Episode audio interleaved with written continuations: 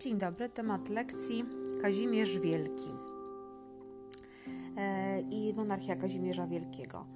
E, zastanowimy się dzisiaj, mm, w czym tkwi jego ten przydomek e, Magnus, łacińskie Magnus, czyli Wielki.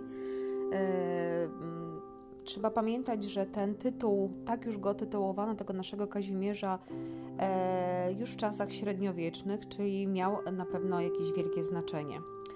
E, dla e, Polski. Na pewno trzeba pamiętać tak e, na samym wstępie, że od Kazimierza Wielkiego mm, nie mamy już jakby tutaj pojęcia królestwa jako monarchii tej patrymonialnej, Pols Polska jako monarchia patrymonialna, tylko będzie też inne postrzeganie już Polski jako korona regni Polonie, czyli korona Królestwa Polskiego a sam król będzie traktowany tutaj jako ta siła jednocząca e, królestwo. Więc Kazimierz Wielki na pewno e, w tym będziemy e, doszukiwać się jego wielkości, że od niego właściwie mamy początek innego rozumienia też samej, samej monarchii. I będziemy szukać też w trakcie tego wykładu, będziemy szukać co sprawiło, że tak na dobrą sprawę e, ta Polska e, za ostatniego piasta przekształciła się ze słabego i okrojonego terytorialnie państwa, ponieważ trzeba podkreślić, że kiedy, kiedy Kazimierz otrzymał ziemię po swoim ojcu w wieku 23 lat, to w gruncie rzeczy było to tylko, to była to tylko Małopolska i Wielkopolska i nie tworzyło więc zwartego e, terytorium, ponieważ obie dzielnice były rozdzielone księstwami łęczyckimi, e, sierackimi e, w rękach piastów kujawskich. Tutaj oczywiście księstwa kujawskie, do, dobrzyńskie Władysław Łokietek utracił na rzecz zakonu krzyżackiego, podobnie jak Pomorze Wschodnie a z trzech istniejących księstw mazowieckich jedno płockie pozostawało w zależności lennej od wrogiego Polsce króla czeskiego Jana Luksemburskiego. E, dwa natomiast zachowały pełną odrębność od Królestwa Polskiego. Mm, poza tym Jan Luksemburski był zwierzchnikiem lennym e, większości Śląska, poza księstwem świdnickim. Czyli ten teren to jest około, słuchajcie, to co odziedziczył w wieku 23 lat po śmierci Łokietka w 1333 roku, 23-letni e, e, Kazimierz jako jedyny spadkobierca, jedyny syn e, Władysława Łokietka, to jest teren około 106 km2, czyli dosyć mm, niewielki obszar.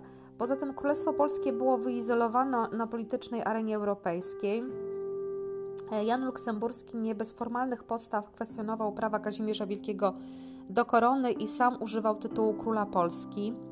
E, poza tym e, Polska była między mm, takim młotem a kowadłem, tak, między dwoma wrogimi państwami, czyli tutaj oczywiście młotem był zakon krzyżacki, który okupował Pomorze Gdański, Kujawy z ziemią dobrzyńską, natomiast kowadłem był tutaj król Czech Jan Luksemburski, E, który schołdował sobie e, większość ksiąstw śląskich, Mazowsze i tytułował się królem polskim, polskim, o czym już, już Wam powiedziałam.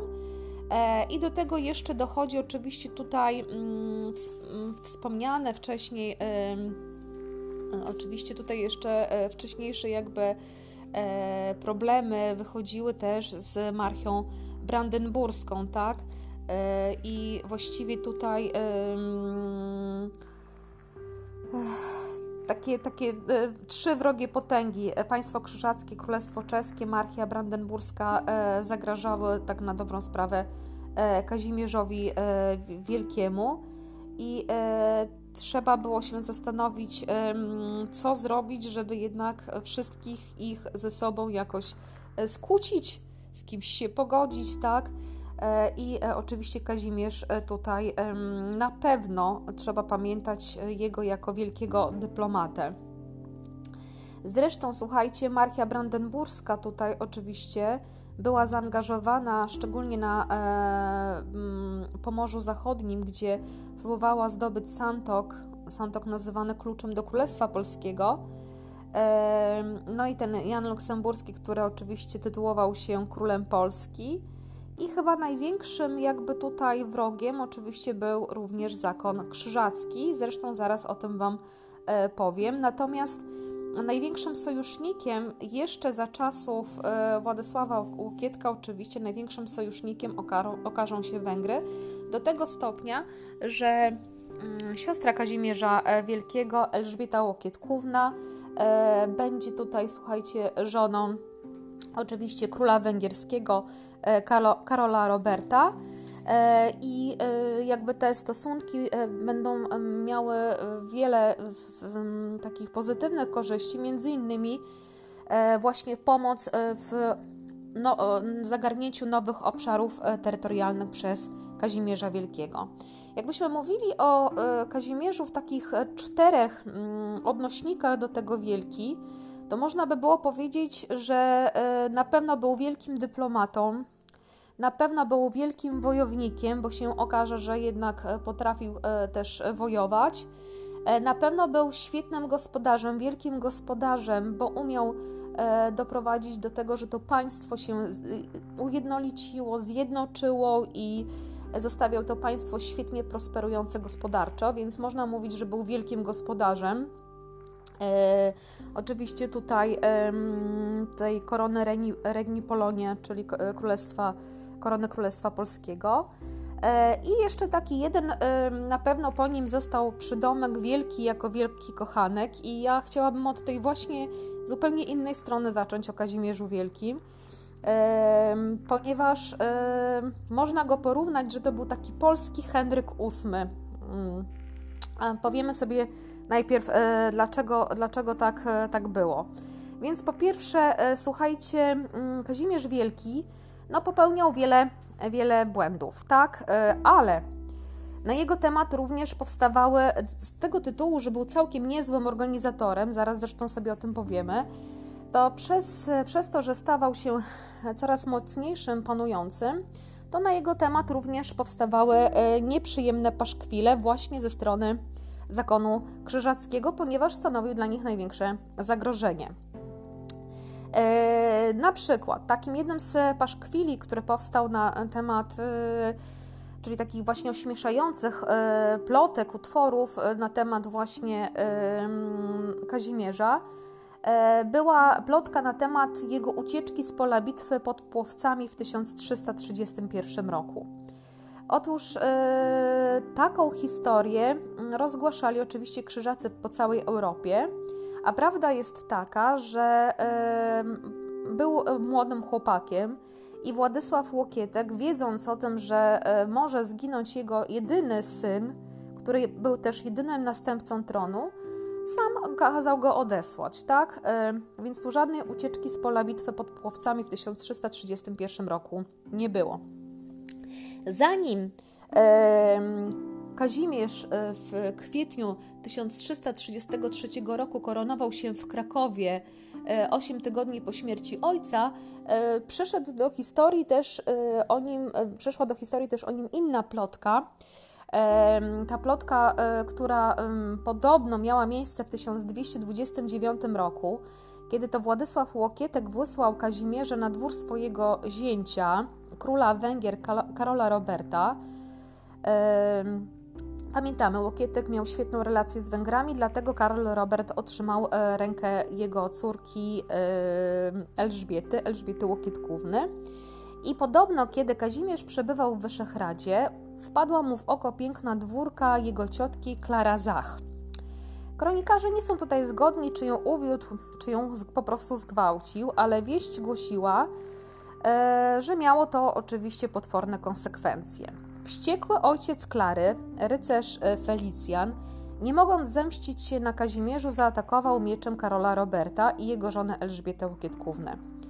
Karol Robert schował się pod stół, taki był odważny, i otrzymał tylko cios w ramię, ale jego um, żona Elka Łokietkówna straciła cztery palce u dłoni. E, Felicjan oczywiście został zabity na miejscu, jego ciało zostało poćwiartowane, a szczątki wystawiono na widok publiczny. E, dodatkowo, słuchajcie, na śmierci konkwiskatę majątku również skazano też krewnych. A tą biedną Klarę, która podobno została zgwałcona, okaleczono, pozbawiając nosa, ust, palców a potem taką okaleczoną obwożono po całym kraju jako przestrogę dla ewentualnych królobójców, bo trzeba Wam pamiętać, że w, tamtym, w tamtych czasach, w czasach średniowiecznych, e, król był pomazańcem Bożym, czyli e, wybrańcem e, Bożym, ponieważ był namaszczany olejami świętymi, otrzymywał tutaj nie tak jak biskupi sakrę biskupią, tak, ale otrzymywał tutaj oczywiście tą władzę, władzę świecką. No i oczywiście taka kwestia jest ta, że ta plotka, ten paszkwil na temat e, tego jakby tutaj tej sytuacji, że to, była, to było z winy Kazimierza, powstała dużo później i rozpowszechniali ją oczywiście krzyżacy. Obwiniając za ten nieudolny zamach oczywiście tutaj samego Kazimierza Wielkiego. Jak było? No tego się już nie dowiemy, ale historia oczywiście e, ma e, tutaj jakby dwie strony i być może było to mm, mniej prawdopodobne niż nam się wydaje. Jeżeli e, wracając tutaj do jego wielkości jako tego kochliwego kochanka, to chciałabym Wam jeszcze powiedzieć oczywiście, że mm, o żonach Karola, przepraszam, nie Karola, tylko Kazimierza, myślę o Kazimierzu, a mówię Karol. Więc Kazimierz otrzymał pierwszą swoją żonę dosyć młodo. E, jego żona to była właściwie taka, taki mm, przetarg polityczny, tak? Władysław Łokietek e, wymyślił sobie, żeby właśnie ujarzmić Litwinów, e, pogańskich Litwinów, którzy najeżdżali oczywiście tutaj, na, szczególnie na Mazowsze. Wymyślił sobie taki, taki fortel, że właśnie tutaj jakby córka litewskiego księcia Gedymina Aldona E, zostanie żoną e, jego syna Kazimierza. E, no i w ten sposób, słuchajcie, Łokietek tak, tak sobie wymyślił, a Kazimierz musiał to zrealizować. No i podobno Kazimierz oczywiście tutaj był przeciwny mm, i Łokietek musiał go przemocą zaciągnąć do ołtarza. Nie wiadomo dlaczego, ponieważ Aldona ogólnie rzecz biorąc była piękna, ale była też bardzo silna fizycznie. Być może Kazimierz obawiał się tej siły, tej, tej tężyzny. Natomiast na pewno była bardzo radosna, lubiła jeździć konno, polowania i też kochała taniec. Więc ta jej za, e, za, zabawna natura, tak, zabawowa natura sprawiała, że e, Kazimierz przy niej raczej rozkwitał. No i słuchajcie, trzeba pamiętać, że ten ślub miał przede wszystkim charakter polityczny e, i po raz pierwszy nie za Jagiełły i za Jadwigi właściwie mamy sojusz Polski i Litwy z chrztem w tle, ale właśnie za Aldony i Kazimierza Wielkiego, kiedy to Polska i Litwa e, zawarły pierwszy sojusz przeciwko Krzyżakom, bo Krzyżacy organizowali rejzy nie tylko oczywiście e, na tereny polskie, ale również przede wszystkim na tereny pogańskiej Litwy, argumentując to, że oczywiście tutaj e, Litwa jest pogańska. Aldona przyjęła chrzest i przyjęła też nowe imię Anna. I skończyło się to też, słuchajcie, z tymi łupieszczymi najazdami Litwinów na Polskę. Poza tym e, na pograniczu zapanował, z Litwą zapanował pokój, a poza tym z Litwy w, w ramach takiego posagu Aldony Anny wróciło 24 tysiące wziętych do niewoli jeńców, jako ten posag. No ale niestety po 14 latach małżeństwa, dosyć szczęśliwego, e, Aldonie się zmarło. Następną żoną mm, była e, Adelaida Heska.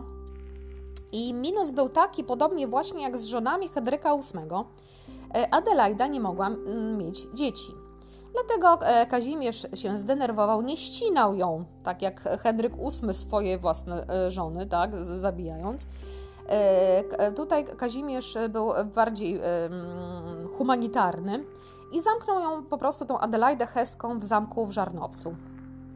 E, Adelaida oczywiście tutaj e, wypłakiwała oczy za swoim ukochanym, a e, w tym czasie Kazimierz został bigamistą, ponieważ w tym samym czasie, kiedy był mężem Adelaidy Heskiej, ożenił się również z Krystyną, rokiczanką, czeską mieszczką, mieszczanką.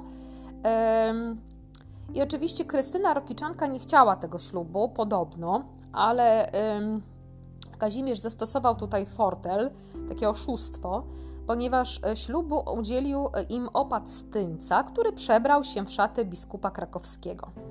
Okazało się, że Krystyna Rokiczanka to nie była taka świętoszka, ponieważ była ona szpiegiem cesarza Karola IV luksemburskiego. E, poza tym, hmm, nie była zbyt ostatecznie piękna, ponieważ kiedy się Kazimierz jej dobrze przyjrzał, okazało się, że pod peruką jest łysina oraz świerzb, czyli niezbyt, y, niezbyt y, y, sympatyczna pani. E, I dlatego słuchajcie, jakby tutaj e, kolejną, e, kolejny ślub nastąpił i w tym razem żoną została Jadwiga Żagańska. Tutaj oczywiście Adelaida Heska dalej sobie żyła na tym zamku w Żarnowcu. Niemniej oczywiście Kazimierz wolał w tym czasie inną kobietę, którą była Jadwiga Żagańska i z nią dożył e, oczywiście tutaj e, do końca swoich dni i z Jadwigą Żagańską miał trzy córki. E, poza tym nie przeszkadzało mu mieć oczywiście w tym czasie kochanki. Podobno takie najsłynniejsze dwie jego kochanki to jest cudka, żona królewskiego dworzenina Niemierzy. Król mm, chciał jakby tutaj mieć cudkę przy sobie i wysłał swojego dworzenina Niemierze tutaj z poselstwem do Awinionu, a sam zajął miejsce w łożu, oczywiście tutaj nie mierzy. E, podobno cudka urodziła wtedy trzech nieślubnych synów e, Kazimierzowi, Jana, Niemierze i Pełkę, ale są również takie teorie, że tych trzech synów nieślubnych miał z e, inną kochanką, którą była przepiękna Żydówka Esterka. Jakbyście kiedyś byli w Muzeum Polin w Warszawie, to o tej e, właśnie Esterce trochę historii i o Kazimierzu Wielkim tam znajdziecie. E, no, podobno dla Esterki król stracił głowę. I trzeba sobie zadać pytanie, no bo wiemy, jak się skończyło, jeżeli chodzi o Anglię, kiedy Henryk VIII był bigamistą i szarżował sobie z tymi kobietami. Co tutaj na to Kościół mm, i papież w Polsce? Więc papież, król, znaczy król poprosił papieża oczywiście o zgodę na E, unieważnienie małżeństwa z Adelaidą Heską. Oczywiście zostało mm, to odrzucone. E, I wtedy e, jakby papież na tyle skończył swoją ingerencję z Kazimierzem Wielkim. Natomiast próbę takiej jakby tutaj wpłynięcia na Kazimierza Wielkiego tym zajął się biskup krakowski Jan Bodzanta, który wysłał do Kazimierza księdza Marcina Baryczkę, z surowym e, upomnieniem. Król oczywiście e, to surowe upomnienie grzecznie wysłuchał, a potem kazał e, utopić w przerębli księdza. I oczywiście tak to też się skończyło upomnienie Kazimierza Wielkiego, więc potęgą był wielką, bo nikt już więcej z nim nie próbował wtedy na ten temat dyskutować. E, trzeba wiedzieć, że oczywiście też e, w 1370 roku zmarło się Kazimierz, Kazimierzowi Wielkiemu. E, zmarł w takich nietypowych okolicznościach, ponieważ e, w trakcie polowania na jelenie e, razem z koniem się przywrócił i e, rana była na tyle silna, że ostatecznie wdała się infekcja i Kazimierz Wielki mm, no to jest dziwne, bo nie, nie zmarł przez tą ranę, ale zmarł na zapalenie e, płuc. Więc to, to tyle, jeżeli chodzi o, o tą e, śmierć. Wrócę teraz, to jest, to jest sprawa oczywiście tutaj tego wielkiego kochanka e, i wielkiego męża, więc teraz kolejne, które trzeba oczywiście e, wyjaśnić, to są oczywiście ta wielka dyplomacja, którą, e, którą e, Kazimierz się oczywiście posługiwał. E, I teraz słuchajcie, jeżeli oczywiście możemy mówić e, o wszelkich jakby tutaj jego e, propozycjach, to jeszcze raz przypomnę, był między młotem a kowadłem, między zakonem a królem czeskim, Janem Luksemburskim. Między nimi, tak, dochodziło do wzajemnego sojuszu właśnie przeciwko Polsce. I słuchajcie, oczywiście tutaj jakby pierwszy, pierwszą próbą, którą jakby y, Kazimierz próbo, próbował, pod, znaczy pierwszą próbą, którą udało mu się zyskać, to było oczywiście układ z Brandenburgią. Fakt, że chodziło tylko o zwalczanie rozbójnictwa, ale y, przez to jakby zamknął też y, tutaj tą drogę porozumienia między Brandenburgią a Krzyżakami. i osłabił właśnie ten sojusz. Kolejna próba to oczywiście była próba ujarzmienia sobie króla Czech, który schołdował właśnie księstwa śląskie, Mazowsze i tytułował się królem Polski. Mm, no i tutaj do czego doszło oczywiście? No, Kazimierz mm, wiedział, że musi z tym jakoś sobie e, poradzić, dlatego e, w 1335 roku e, doszło do zjazdu w Wyszehradzie, w którym uczestniczyli władcy Czech, Polski i Węgier. I wtedy Jan, znaczy Kazimierz był na tyle bogaty, że zaproponował Janowi Luksemburskiemu 20 tysięcy kop groszy polskich, przepraszam, nie polskich, tylko praskich, o pol, polskich sobie powiemy jeszcze, 20 tysięcy kop groszy praskich i Jan Luksemburski wtedy zrezygnował z pretensji do tronu polskiego. Ale w zamian oczywiście Jan, e, przepraszam, e, Kazimierz Wielki miał wesprzeć e, Jana w wyprawie przeciwko Habsburgom, śmiertelnym wrogom Jana Luksemburskiego. Na kolejnym zjeździe w Wyszehradzie w 1339 roku potwierdzono wcześniejsze ustalenia, lecz król polski dodatkowo musiał zrzec się Śląska i księstwa Płockiego. W zamian tutaj oczywiście uzyskał e, potwierdzenie wycofania się tego czeskiego poparcia dla zakonu w tym sporze polsko-krzyżackim. Kolejny, słuchajcie, kolejny konflikt jednak wybuchł, ponieważ w 1345 roku 1345 nawet doszło do kilkudniowego oblężenia Krakowa, E, no ale Jan Luksemburski był na tyle słaby, że musiał się ostatecznie wycofać e, i doszło do rozejmów, e, a na Mysławowie w 1340 roku, 48 roku podpisano pokój.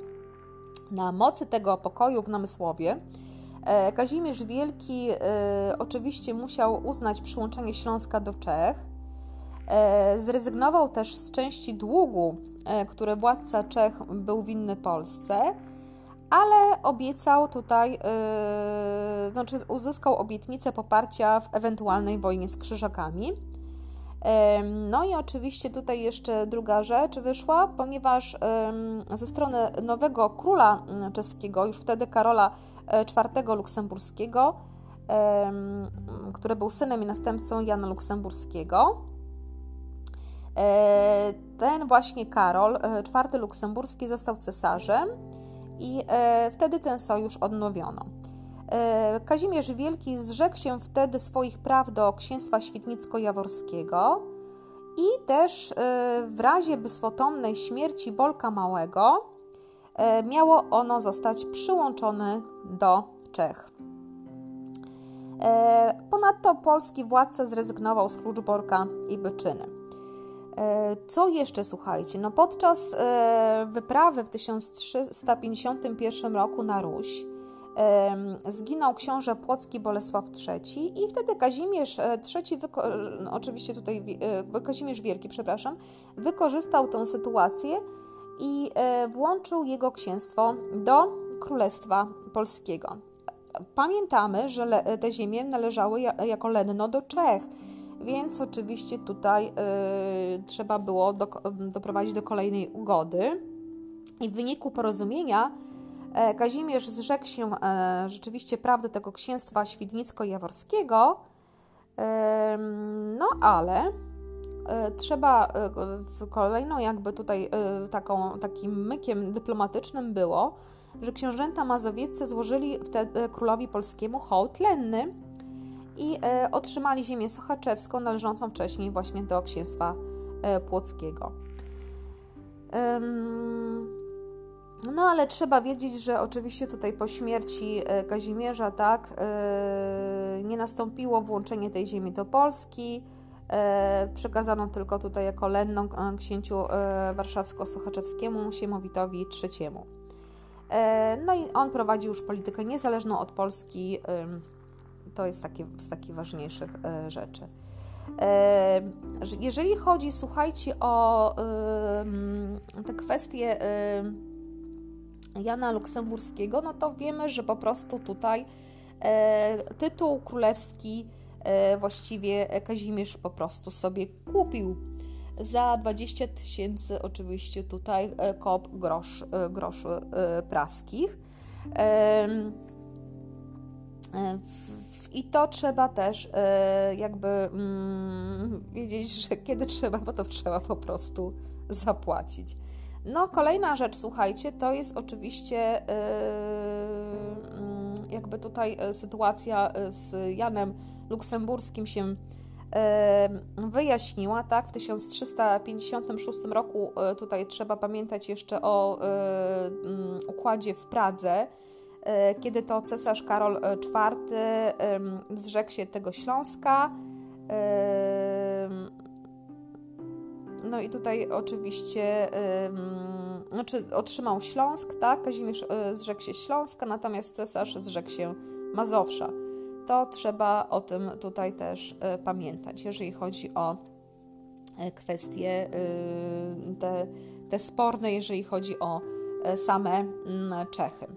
Jeżeli chodzi, słuchajcie teraz dalej o tą wielkość naszego mm, Kazimierza, to będziemy szukać oczywiście w tych układach o wielkich układach tutaj z, z, z zakonem krzyżackim, tak? co się udało z krzyżakami e, wywalczyć. E, więc tak, po pierwsze, e, jeżeli chodzi o to, ten, ten sojusz, pamiętacie, w 1300, ten zjazd w 1300 35, to Kazimierz Wielki złożył E, również skargę na zakon krzyżacki do stolicy apostolskiej w tym czasie i w ten sposób e, wszczął postępowanie sądowe. W listopadzie w 1335 roku w e, Wyszehradzie w tej rezydencji Andegawenów Karol Robert gościł Jana Luksemburskiego i Kazimierza Wielkiego. No i tutaj w wyniku tego postępowania arbitrażowego mm, w sporze polsko-krzyżackim zapadł wyrok kompromisowy. Krzyżakom nakazano zwrócić Polakom Kujawy i ziemię dobrzyńską, no, ale oni uzyskali e, potwierdzenie prawdy ziemi chełmińskiej i Pomorza. E, spotkanie tych e, oczywiście trzech monarchów dzięki mediacji Karola Roberta Andegowańskiego doprowadziło do zawarcia tego pokoju polsko-czeskiego, o którym już wcześniej sobie powiedzieliśmy. Dzięki temu też oddalono te pretensje Luksemburgów do tronu polskiego. I słuchajcie, w 1339 odbył się proces polsko-krzyżacki w Warszawie. E, sąd papieski, e, któremu tym razem nie można było zarzucić stronniczości, jak już wcześniej pamiętamy, e, obradujący na neutralnym gruncie na terenie suwerennego księstwa mazowieckiego w Warszawie, po przesłuchaniu wielu świadków oskarżenia, wydał wyrok pomyślny dla Polski. Na jego mocy zakon krzyżacki musiał zwrócić zagarnięte ziemie sporne, czyli Kujawę, ziemię dobrzyńską, Pomorze i ziemię chełmińską oraz wypłacić wysokie odszkodowanie. E, mimo długotrwałych starań nie udało się oczywiście uzyskać zatwierdzenia tego wyroku przez papieża, dlatego Kazimierz Wielki zdecydował się w końcu zamknąć ostatecznie sprawę e, traktatem pokojowym z krzyżakami, tak zwanym e, traktatem wieczystym, tak, w 1343 roku doszło do traktatu kaliskiego. W Kaliszu podpisano właśnie ten wieczysty pokój z krzyżakami. Na jego mocy Polska odzyskała Kujawy i ziemię dobrzyńską, a ziemię chełmińską i Pomorze Gdańskie e, krzyżacy otrzymali e, jako wieczystą jałmużnę króla Polski co słuchajcie, oczywiście zamknęło na e, pewien czas, na 60 lat, e, ten, tą, to wrogie nastawienie między Polską a zakonem krzyżackim i nie dochodziło do konfliktów zbrojnych. I tutaj jeszcze trzeba pamiętać, że e, przez to, że to zostało nazwane wieczystym jałmużny króla Polski, to będzie można się o to, to ziemię oczywiście tutaj upominać. E, w 1343 roku Kazimierz Wielki zajął również e, ziemię wschowską, a pod koniec swojego panowania podporządkował Polsce ważne zamki wzdłuż granicy nadnoteckiej, m.in. Santok i Drezdenko. W ten sposób zabezpieczył też e, granicę przed ekspansją brandenburską. Traktat kaliski oczywiście tutaj jakby też pamiętajcie to o tym traktacie z 1343 roku, ten traktat kaliski e, dał mm, jakby tutaj prawo królowi polskiemu jednak do tych ziemi, które, mm, które utracił, ale tak wiecie, nie do końca. Traktat w Kaliszu był wyrazem realizmu politycznego młodego króla i jego współpracowników, ponieważ odzyskano bez walki znaczące terytorium. To oczywiście Kujawy, no to wiemy, że to jest teren, który należał wcześniej tutaj y, do, do, do terenu właśnie łokietkowego. E, no i traktat kaliski stał się ponadto fundamentem bezkonfliktowych stosunków polsko-krzyżackich aż do czasu wojny w latach 1409-1411. E, co dalej, słuchajcie? No kolejna rzecz, no to trzeba powiedzieć sobie tutaj już e, o podbojach które miały jakby miejsce, jeżeli chodzi o samego Kazimierza. I okazało się, że Kazimierz jakby też wyznaczył nowy kierunek tych podbojów, tak? Ponieważ nie mm, szedł na zachód, tylko właśnie zaczynają się podboje na wschód.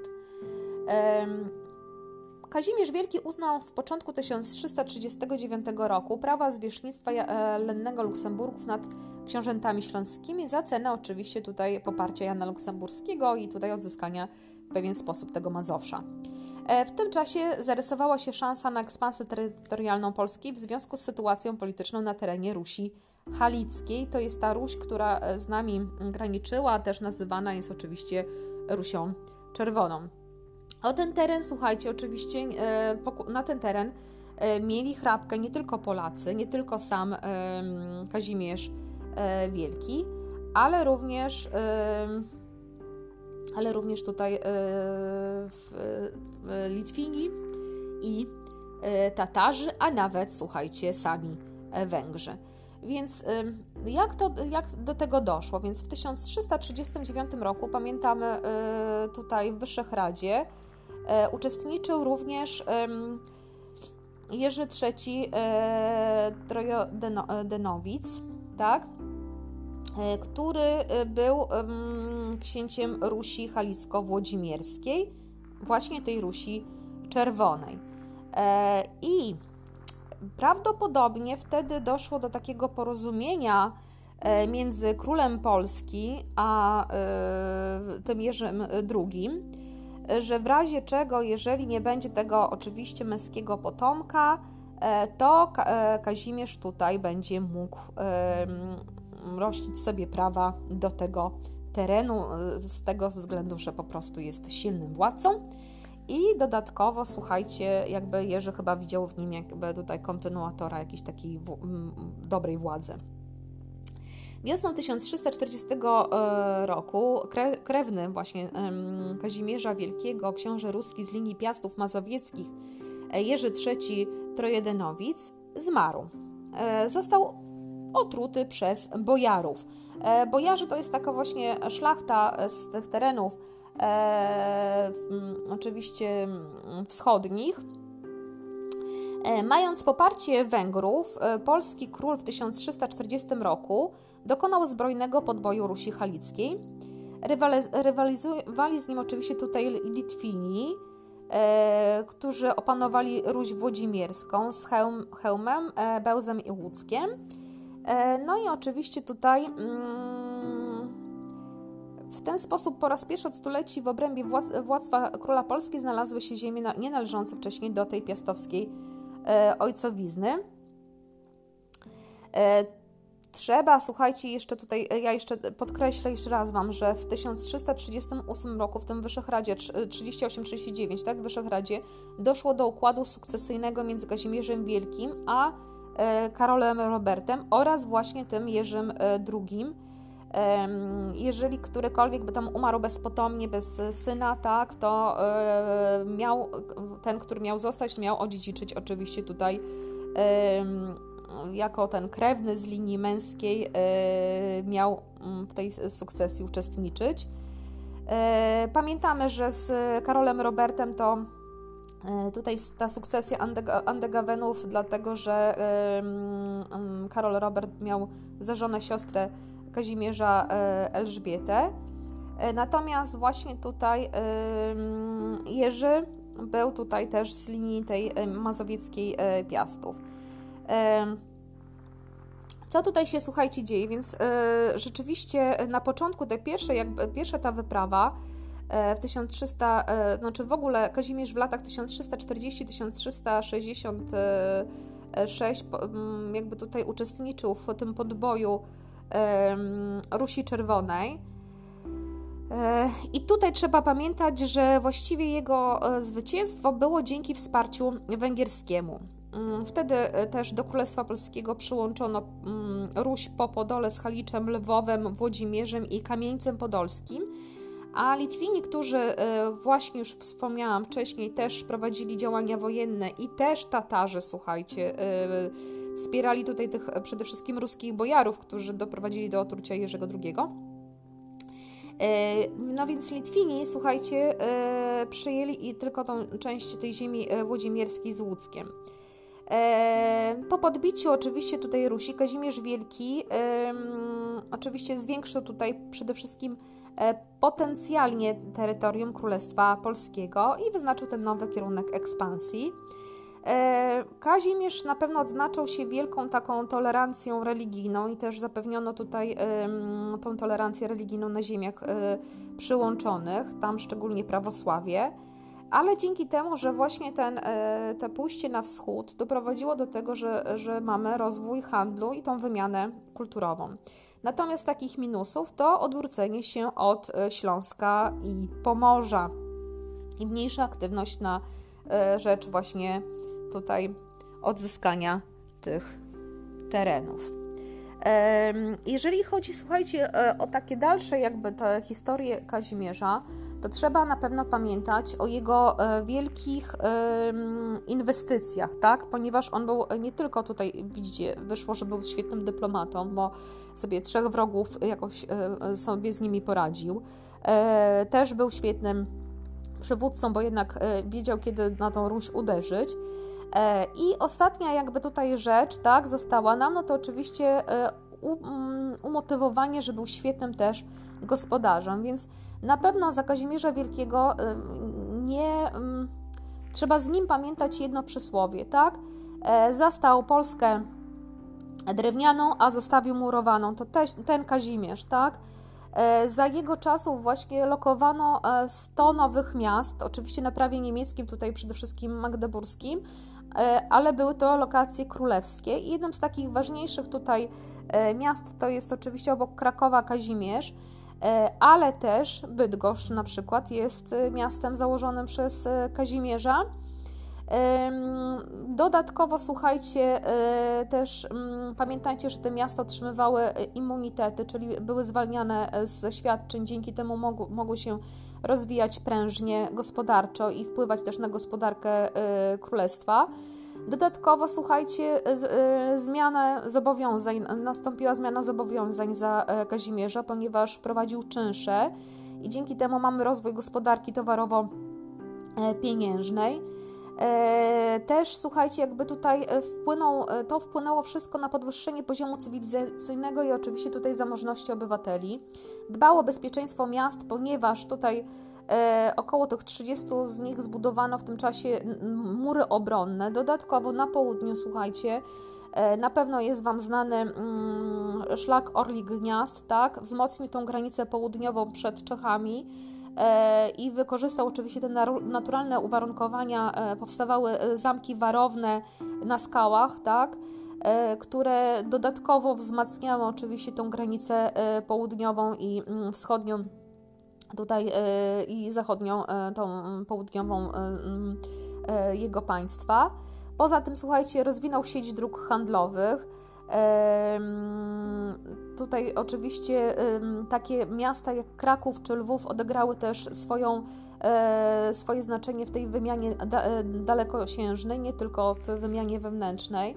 E, król wspierał rozwój handlu krajowego, wspierał ten rynek wewnętrzny, wprowadził e, oczywiście tutaj dwie regulacje prawne. Pierwszy to jest przymus drożny, nakazujący obcym kupcom przemieszczanie się tylko po wyznaczonych drogach. E, I przez to oczywiście ci kupcy musieli płacić cło, a państwo polskie rosło w siłę. gospodarczo. Dodatkowo, słuchajcie, drugą regulacją było oczywiście prawo składu.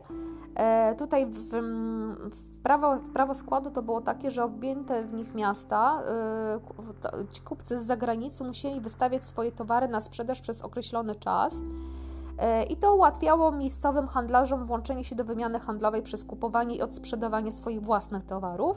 Ożywiło to oczywiście tutaj handel. To ożywienie też, na to ożywienie wpłynęło oczywiście to przyłączenie tej Rusi Czerwonej. Dodatkowo to podpisanie pokoju z Krzyżakami, ponieważ y, intensywniejszy był również handel z Gdańskiem oraz ze wschodem, ponieważ to państwo tam aż do Morza Czarnego.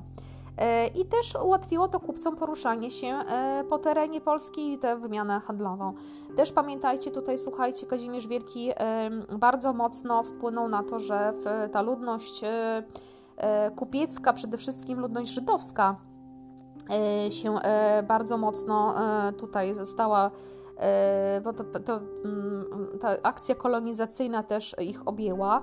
E, pamiętamy, że w 1000, e, tutaj, 1264 mm, roku e, Bolesław Pobożny nadał przywilej czyniący Żydów odrębną tą grupą społeczną określoną mianą, mianem sług skarbu, czyli takich, którzy byli za, odpowiedzialni jako tacy, taki rodzaj